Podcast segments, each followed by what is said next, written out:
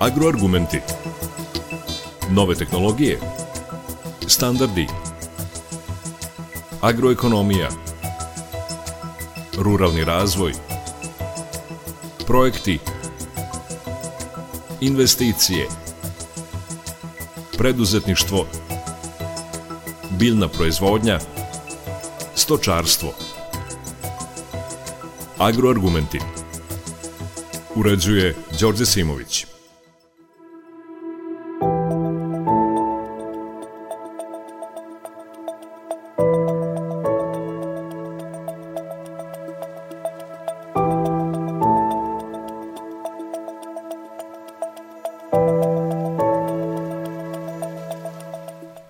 Poštovani slušalci, dobar dan. Navikli ste da u emisiji Agroargumenti govorimo o jednoj temi. Ovoga puta biće to tri segmenta iz oblasti voćarstva. Prvo će biti reči o protivgradnim mrežama i zašto neki sistemi nisu izdržali oluje poput prošlogodišnjih. Zatim čućete zanimljive predloge kako unaprediti naše malinarstvo. I na kraju emisije najavit ćemo prestojeći sajam Agro Belgrade.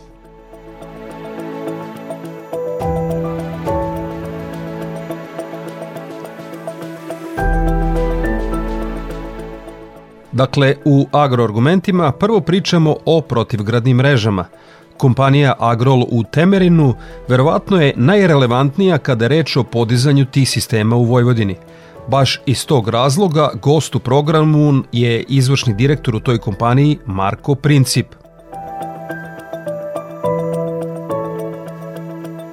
Ako će po čemu minula godina 2023. E, biti zapamćena, to je po e, katastrofalnim posledicama e, nezabeležene oluje na našim prostorima to se manifestovalo na mnogo različitih načina, međutim štete na protivgradnim mrežama su daleko prevazilazile one koje smo mogli da vidimo prethodnih sezona.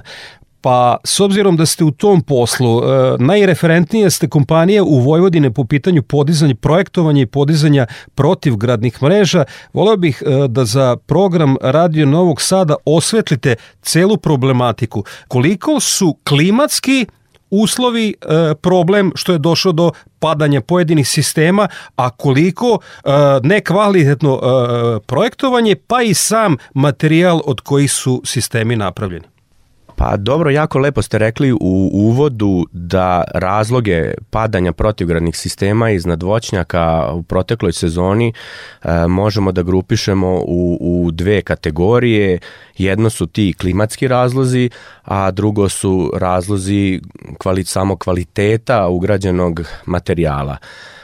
Jedni i drugi e, razlozi su veoma bitni u, u ovom slučaju, ali malo da pojasnimo prvo e, klimatske razloge. E, svedoci smo da se, da se klima menja, E, mi kad smo počeli ovaj posao 2003. godine, neki klijenti koji su tražili od nas da im postavimo sistem iznad konkretno tada jabuka su uh, govorili da su prošle godine imali nezapamćene štete od grada, ali da je to nešto što se dešava jednom u poslednjih, ne znam, 10 godina. E, danas, nažalost, svake godine, u svakoj sezoni maltene e, vi imate određene regione gde gotovo svake sezone imate grad, naravno postoje ovaj regioni gde to nije tako učestalo, ali ne možemo današnje voćarstvo da, da zamislimo bez protivgradnog sistema. Oni koji to danas rade bez protivgradnog sistema svesno idu u rizik i treba sami sebe da zapitaju da li je ta proizvodnja koja je namenjena svežem voću, svežem tržištu, voće je namenjeno svežem tržištu, e, da li može da opstane bez, bez mreža ili oni neminovno ulaze u proizvodnju industrijskih proizvoda, jabuke, borovnice, kruške, višnje, ovaj, gde su cene minorne. E, vezano za, za klimatske razloge, trebamo napomenuti da ovo nije prva godina sa ovakvim katastrofalnim e, posledicama. 2017. u istom regionu gde su najveće štete bile, a to je Srem, okolina Šida, konkretno u, u, u Moroviću e, je palo 40 hektara, u Slankamenu je palo 20-30 hektara, sećam se te sezone onako kad smo mi šta smo saznali, gde je šta palo, tu je preko stotinak hektara palo i e, te 2017. godine i niko se ni tad nije zapitao zašto je to tako. E, danas, e, kažem, klimatske razloge primetimo svi, primetimo da, da e, dolazi do jačih vetrova, da dolazi do povećanja sunčevog intenziteta i da je neminovno je da konstatujemo da se e, klima menja. Vezano za e, klimatske razloge e, treba da se obrati pažnja prilikom samog projektovanja e, i koji je nagib terena, e, odakle duvaju najveći vetrovi i da se sam sistem postavi unapred da to sve može da, da iznese. Samim tim tu dolazimo do e, razloga, odnosno kvaliteta materijala koji se e, ugrađuje i tu je veliki, veliki problem da država i sama autonomna pokrajina kao deo ovaj države nije raspisala nikakve standardne kojega, kojih se mi kao instalateri i kao oni koji ugrađujemo taj materijal moramo pridržavati. E sad tu imate da li je neko odgovoran ili neodgovoran ili je nekom bitan profit pa ide na umanjenje ugrađenog materijala što stvarno jako puno toga ima. E, ljudi kad traže ponudu, oni traže ponudu za protivgradni sistem. To vam je da povučemo paralelu, nešto što ćemo svi razumeti, kao kad ja dođem na autoplac i ja kažem, meni treba auto. E sad mi moramo da uđemo u brdo detalja kakav auto vama treba, da bi mi razumeli šta vama da ponudimo. Pazite, odgovorne dobre firme će tako pristupiti i posvetit će sat, dva vremena da detektuju šta klijentu treba i samim tim e, će dati najbolju moguću ponudu. Dok, nažalost, e, vi instalatera protivgradnog sistema imate danas kao i nekih poljoprivrednih apoteka, svako selo ima nekog svog e, stručnjaka koji je to negde video, nečim se bavio i on će to da reši za mnogo manje para nego što bi to moglo da, da, ovaj, da se napravi ispred neke firme koja opet ima neki, neki svoj e, renome na, na tržištu. Kao što vi kad uđete u jednu ulicu, nemate ni jednu šablonsku kuću istu. Svako je spravio kuću sprem sebe. Tako i mi kada projektujemo protivgradni sistem, e, izađemo na teren i jedan hektar vam je na primjer 100 puta 100 ali jedan hektar može da bude i 50 puta 200. Znači ta dva sistema ne mogu da budu jednaki ni količinom materijala, ni samim projektovanjem, e, odnosom ankera, debelih, tankih stubova, naravno, e, ako se radi e, voćne kulture koje su više, one zahtevaju duže stubove, tipa jabuka, kruška, trešnja, one zahtevaju druže, duže stubove, samim tim ti stubovi moraju biti deblji. U odnosu na, na primer, neke žbunaste kulture, e, malina, kupina, borovnica, gde stubovi mogu biti i kraći i mogu biti i tanji. Tako da ne, ne postoji ni jedan isti zasad koji je, da kažem, opet pričam iz našeg iskustva, e, rađen copy-paste. Naše ponude koje mi nudimo i dajemo klijentima e, nisu šablonske, nego svaki, svaki voćnjak e, crtamo, projektujemo, računamo i tako dajemo ponudu na osnovu naših kalkulacija. Ovo će biti e, veoma, veoma e, teška godina i e, iz ugla osiguravajući kuća kako da procene da li je dolaze, došlo do pada zbog lošeg izvođenja ili zbog vremenskih uslova. Do kakvih informacija dolazite s terena? prvo osiguravajuće kuće mogu da da imaju različite e, pristupe na ja, nešto što ja znam e, u Austriji na primer vi ne možete da osigurate voćnjak kao svoju imovinu ako imate samo sadnice. Znači vi morate da date dodatnu vrednost, a to su protivgradne mreže, na primer, navodnjavanje ili nešto slično, kako biste uh, voćnjak osigurali kao imovinu. Jel pa ste, na kraju vi ubirate taj plod i on vam donosi novac na kraju sezone ali vi ne možete da ga osigurate uh, od elementarnih nepogoda ako nemate tu neku uh, dodatnu vrednost. Sad opet kažem, nisam u osiguranju, postoje različite vrste osiguranja od, od uh, mraza, od elementarnih nepogoda, ovako, onako, ali generalno mislim da, da ovaj bi uh, i pored dobrog i kvalitetnog protivgradnog sistema za neki miran san i neku simboličnu cifru, uh, vi trebali da osigurate to kao svoju imovinu. Uh, Agrol DO ima uh, osiguranje koje se zove osiguranje od odgovornosti trećih lica, gde mi uh, imamo polisu i ukoliko se utvrdi da, na primer, naš projekat nije bio dobar ili naši instalateri nisu nešto dovoljno dobro a, zavrnuli ili, ili Pazite, jako je teško sve to ispratiti, ali je bitno da ste vi kao naš korisnik osigurani da će vam biti steta nadoknađena ako do toga dođe. Mi nismo imali veće štete. Prošle godine u, u regionu Šida je palo preko 200 hektara. Od naših klijenata ja stvarno mogu to da svedem ne više od jedne desetine hektara, gde su oluje bile abnormalne.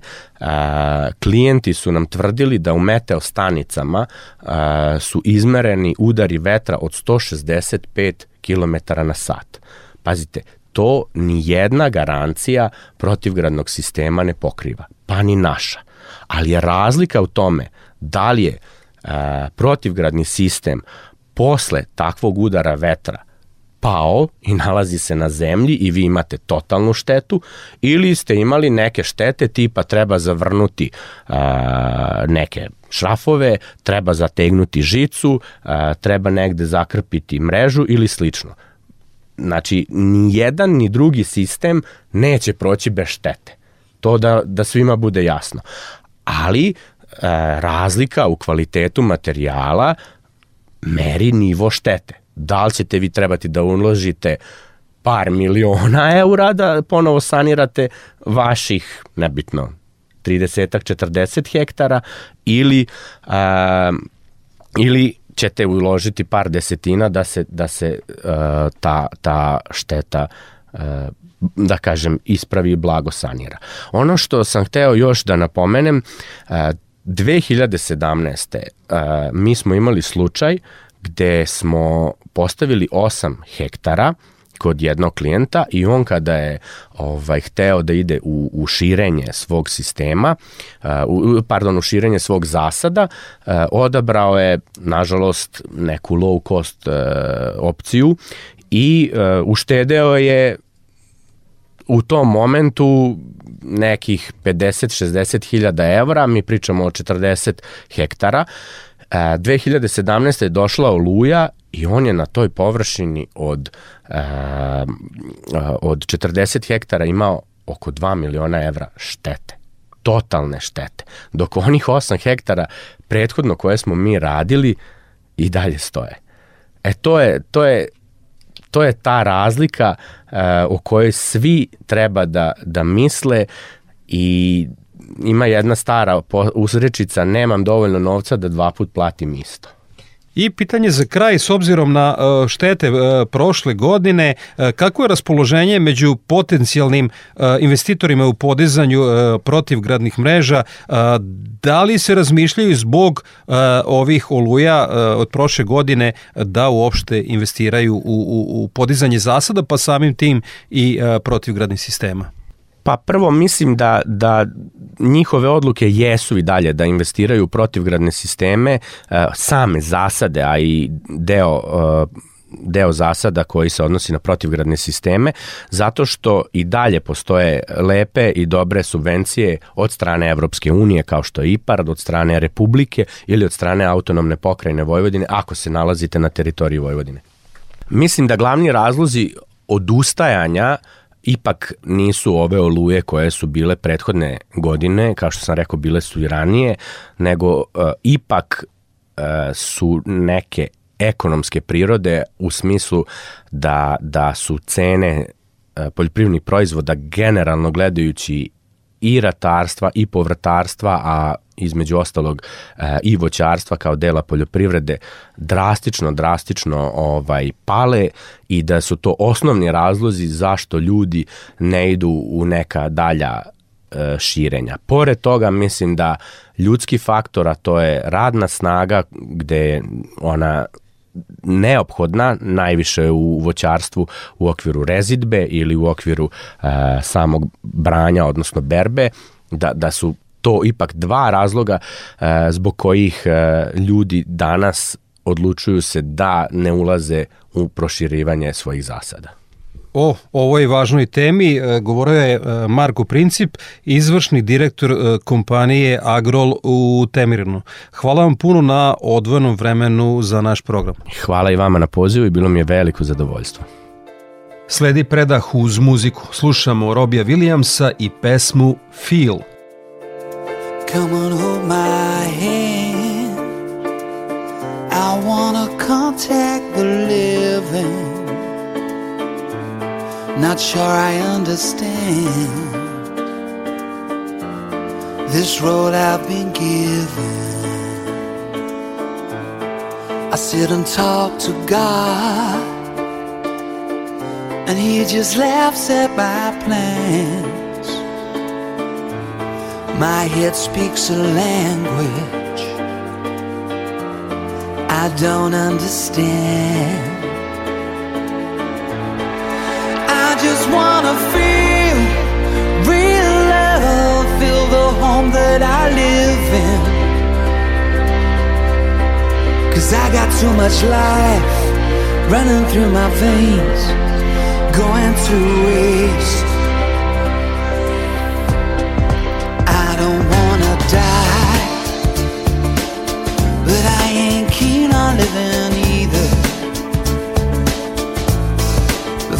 fall in love. I'm preparing to leave her, scare myself to death. That's why I keep on running before I've arrived can see myself coming.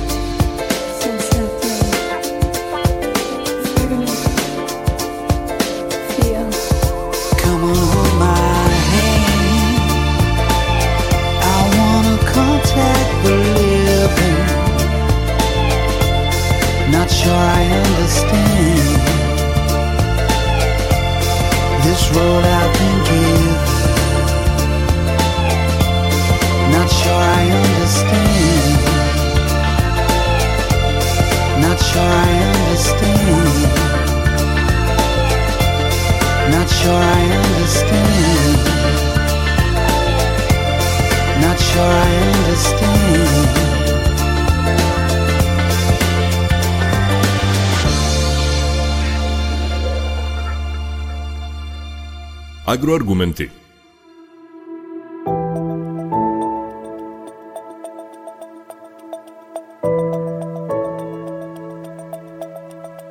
Prethodna godina bila je teška za malinare. Vremenske neprilike uništile su deo roda, a i naša malina je teško nalazila kupce na stranim tržištima. Međutim, problema ima još. Činjenica je da nam opadaju prosečni prinosi maline kao i kvalitet plodova. Mile Radisavljević iz beogradske kompanije ATP Irrigation daje konkretne predloge kako da greške ispravimo, a proizvodnju unapredimo. U Srbiji se svi kunemo u nacionalni proizvod, u malinu, koju popularno nazivamo crveno zlato. A gde je istina? Poražavajući podatak za naše malinarstvo i slobodno mogu reći i za Republiku Srbiju je da smo sa realnih 12 do 15 hiljada hektara pod malinom 2022. godine ubrali 65.000 tona, a 23. godine samo 55.000 tona. Upoređujući cifre, dolazimo do poražavajućeg podatka da je prosečan prinos 40 do 50 kg po aru ili 4 do 5 tona po hektaru. Sagledavajući situaciju na terenu, možemo reći da su razlozi ovako niskih prinosa veliki broj zaraženih plataža fitoftorom i verticilijumom i što se decenijama podizanje novih zasada zasniva na sadnicama iz rodnih zasada, jer se na tržištu nema dovoljnih količina sertifikovanog sadnog materijala. Dodatni problem je što maline nema dovoljno na tržištu, na svetskom tržištu. Za sada je to možda i jedini proizvod u voćarstvu za koji u Srbiji ne postoji problem plasmana. Problem je samo ostvariti rentabilnu proizvodnju da se na plantažama ostvare prinosi na nivou preko 25 tona po hektaru. Sa prinosom 4 do 5 tona po hektaru ne postoji na tržištu cena koja će učiniti takvu proizvodnju rentabilnom. Međutim, sa prinosom od 25 i više tona po hektaru i cena od 2 eura po kilogramu može biti rentabilna. Trenutna situacija u Srbiji je da plantaže koje su podignute pre 25 e, godina i dan danas daju prinose koji su preko 20 tona po hektaru. Imamo dosta takvih primjera u Arilju, Ivanjici, u tom regionu gdje su se pre tih 25 godina pojavile sertifikovane sadnice. Te plantaže danas daju 3-4 puta veći prinos nego plantaže koje su podignute pre 4-5 godina, jer se iz tih zasada umnožavalo decenijama sadni materijal se umnožava i dobijamo a, sve lošijeg i lošijeg kvaliteta sadnice i sve lošije i lošiji kvalitet plodova. Trenutno u Americi malina iz Čilea prodaje se po 4 dolara po kilogramu i nema je dovoljno. Ono što proizvođači treba da znaju to je da je 2022. E, godine isfabrikovana cena od 500-600 dinara po kilogramu, da to nije realna cena i da se to najverovatnije nikada više neće dogoditi a daj Bože da grešim, ali teško da se ta cena može ikada vratiti jer jednostavno je nerealna. Međutim, ako cenu ne možemo da podignemo, onda se moramo baviti profitabilnošću proizvodnje. Mile Radisavljević veruje da bi se naše malinarstvo moglo unaprediti ako bi se prihvatili sledeći predlozi. Pod broj 1 mora se odraditi edukacija. Od strane ili eminentnih stručnjaka ili poljoprivrednih stručnih službi koje će prethodno proći neki trening, da se prenosi znanje e, na proizvođače da im se predoči prednost podizanja plantaža sa sertifikovanim sadnim materijalom i zašto je neophodno e, izabrati odgovarajuću parcelu. Ne može, ne može se saditi na bilo kakvoj parceli. I da se uradi odgovarajuća priprema zemljišta za sadnju na osnovu hemijske, mehaničke analize zemljišta i da se obavezno uradi i hemijska analiza vode za navodnjavanje sa stanovišta navodnjavanja. Znači, ne da se ispita njena zdravstvena ispravnost, nego pogodnost te vode za navodnjavanje, da nema uh, suvišak nekih mikro, makro elemenata koji mogu biti uh, štetni, čak otrovni, da dovedu do uginuća malina, kao što recimo natrium, bor, hlor, gvožđ i slično.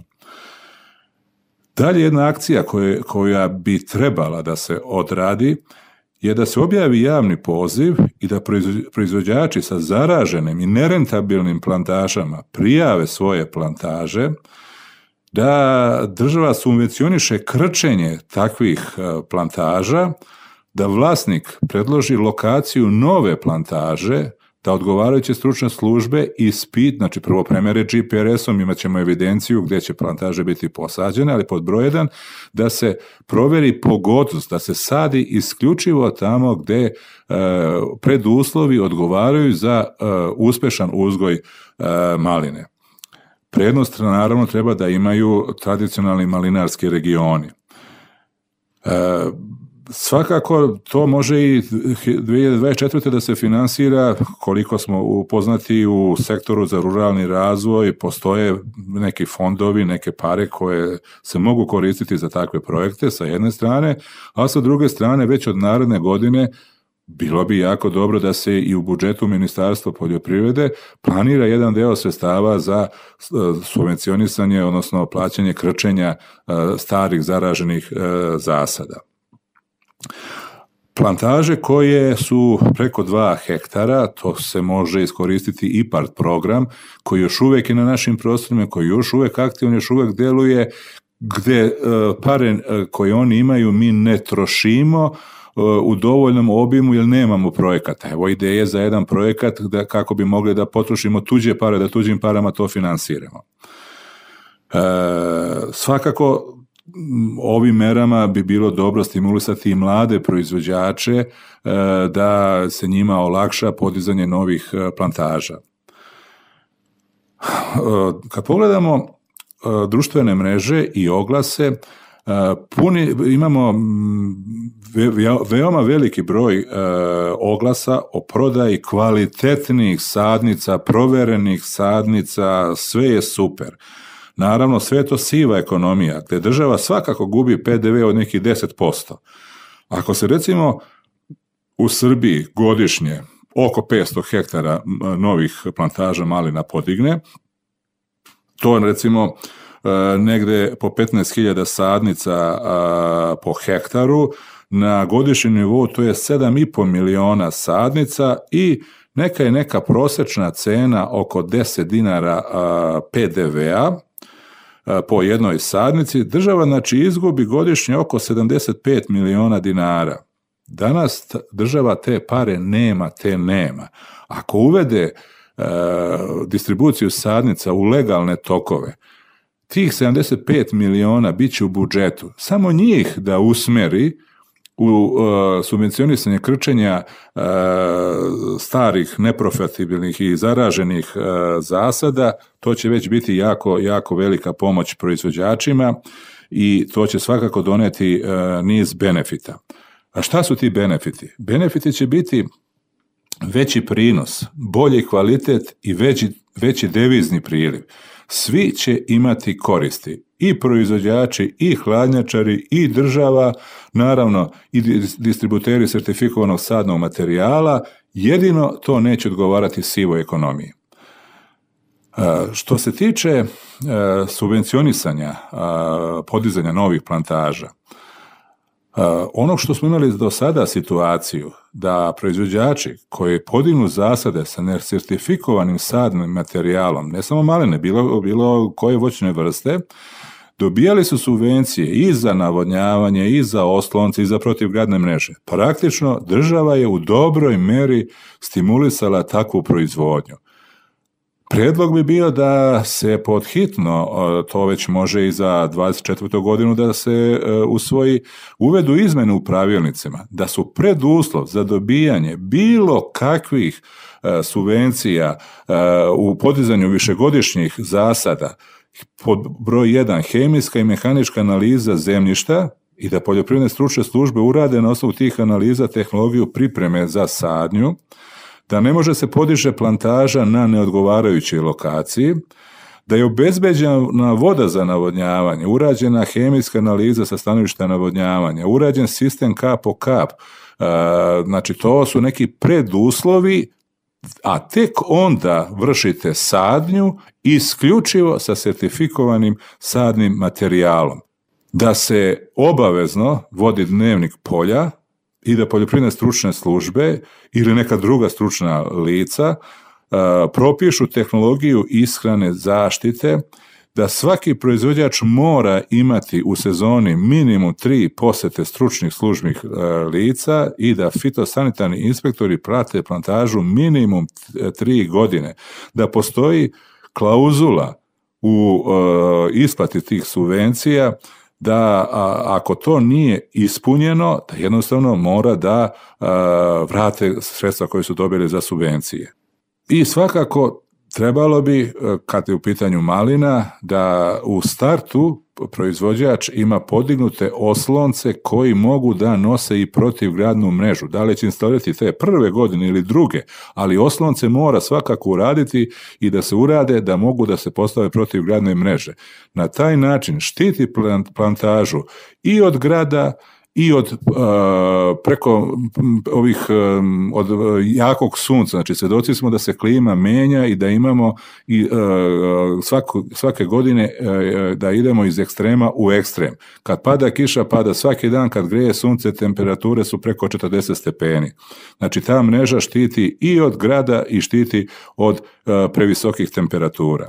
Na ovaj način bismo suzbili sivu ekonomiju proizvodnje sadnog materijala, samim tim spriječili i širenje fitoftore i verticilijuma i se sertifikovanim sadnim materijalom obezbedili i kvalitet i prinos. Ono što bi svakako trebao da bude neki drugi smer u kojem treba ići, Vilame treba da nam bude svakako i dalje e, broj jedan, ali kad su u pitanju letnje sorte i kad su u pitanju remotantne sorte, znači sorte za upotrebu u svežem stanju, Srbija se tu nalazi tek na prvom stepeniku, i mislim da bi bilo svakako dobro da se nadalje razmišlja i u tom smeru širenja plantaža sa letnjim sortama i remontantnim sortama, jer bismo sa sadašnjih mesec, dva, koliko smo prisutni na tržištu sa Vilametom, naše prisustvo na svetskom tržištu produžili na nekih 4-5 meseci i svako, svakako to bi nam dalo jednu dodatnu ozbiljnost na svetskom tržištu. Naš sagovornik je osmislio puno predloga koji bi trebalo da nađu uporište u praksi. Možda nam je nešto promaklo, pa ćemo zato za kraj izdvojiti najvažnije. Ono što bi moglo da se zaključi da oporavak malinarstva kreće uh, od sadnje i subvencionisanja isključivo sertifikovanih sadnica, gde je prethodno urađen izbor odgovarajuće parcele, po tehnologiji sprovedena priprema parcele za sadnju, obavezno obezbeđeno navodnjavanje i u startu urađeni oslonci koji mogu da nose i protivgradnu mrežu i da praćenje tih novo podignutih plantaža od strane poljoprivrednih stručnih službi mora biti najmanje u naredne tri godine, da, da poljoprivrednim stručnim službama to bude redovan zadatak, da imaju evidenciju takvih plantaža i da redovno mora da ih kontrolišu a za zasade koji su podignuti sa nesertifikovanim sadnicama ne davati ni dinar subvencije po bilo kom osnovu, ni za navodnjavanje, ni za oslonce za protivgradnu mrežu. E, ovakvom politikom siguran sam da za deseta godina u Srbiji malinarstvo može da se preporodi. Ako bi nosioci agrarne politike ove predloge prihvatili i sproveli u delo, mogli bi se nadati postepenom oporavku proizvodnje maline. I po obimu kao i po kvalitetu. Toliko u ovom segmentu emisije. Slušamo Lady Gagu i Bradley Coopera i pesmu Shallow, naslovnu u filmu Zvezda je rođena. Tell me something, Are you happy in this modern world? Or do you need more? Is there something else you're searching for? I'm falling. In all the good times, I find myself longing for change.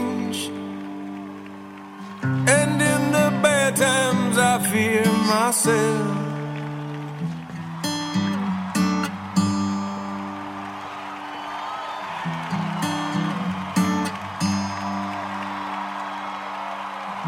Tell me something, boy.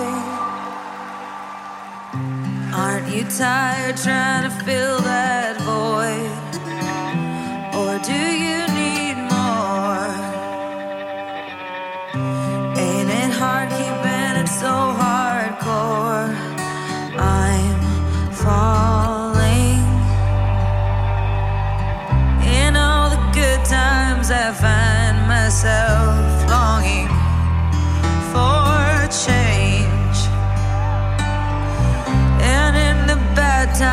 I fear myself.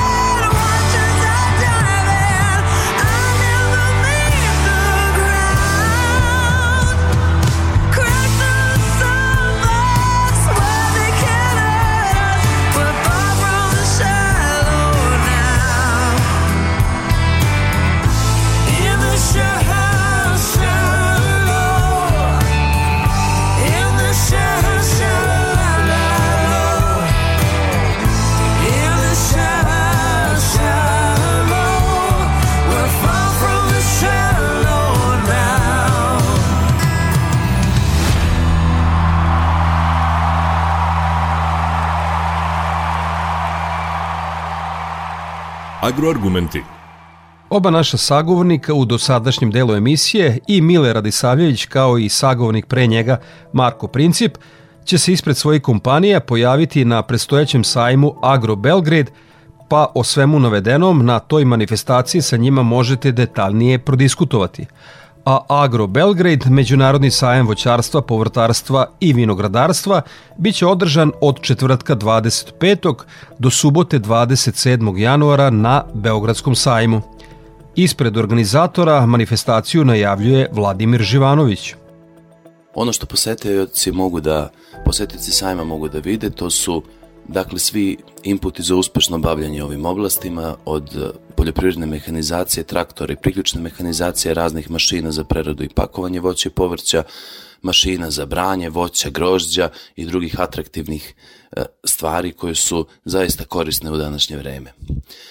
Pored toga tu su i ostali inputi uh, u smislu rasadničara, semena, uh, prihrane bilja, zaštite bilja i drugih elemenata. Naravno tu su i proizvođači sa svojim velikim sistemima gde prisustvuju na štandovima u okviru posebno za to namenjene hale. I tu je jako bitno da sajam posete manji i srednji manje srednja gazdinstva kako bi uspostavili kooperanske modele sa velikim kompanijama i zajedno plasirali svoje proizvode.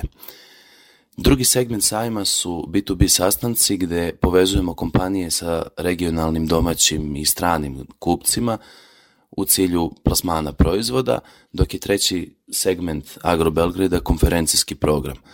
U okviru trodnevnog konferencijskog programa govorit ćemo pre svega o tržištima, gde su nam gosti e, visoko pozicionirani ljudi iz e, oblasti trgovine voćem, pre svega i direktori nekih veletržnica iz Evrope i ljudi koji se, koji, koji se bave nabavkama u velikim retail lancima.